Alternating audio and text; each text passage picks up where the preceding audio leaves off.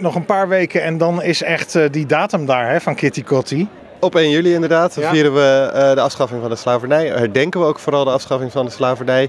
En volgens mij ook op 1 juli hebben we een groot muziekfestival in de stad. Een jaar gaat dat ongeveer duren en uh, dat gaat natuurlijk gepaard met heel veel symboliek. Jullie vragen ook uh, speciaal aandacht voor een aantal zaken, bijvoorbeeld dat kunstwerk. Ja, wij denken dat het heel goed is dat er uh, nu aandacht wordt besteed aan het slavernijverleden. Dat hebben we heel lang niet gedaan, vonden we ingewikkeld. Nu is het heel goed dat we dat doen. Wij willen een paar dingen als Partij van de Arbeid. Een kunstwerk in de stad of een plek waar je een herdenking kan organiseren. Wij zouden ook graag willen dat een aantal straatnamen in de Hoven, JP Koenhof bijvoorbeeld, een van de wat mindere namen van de slavernij. Lang, lang dachten we dat dat een goed figuur was, maar inmiddels weten we beter. Dat we die gewoon hernoemen. En de Van Riebeekhof, hè? En de Van Riebeekhof. Ja, ja twee, uh, twee mannen die niet, uh, eigenlijk geen straatnaam verdienen meer.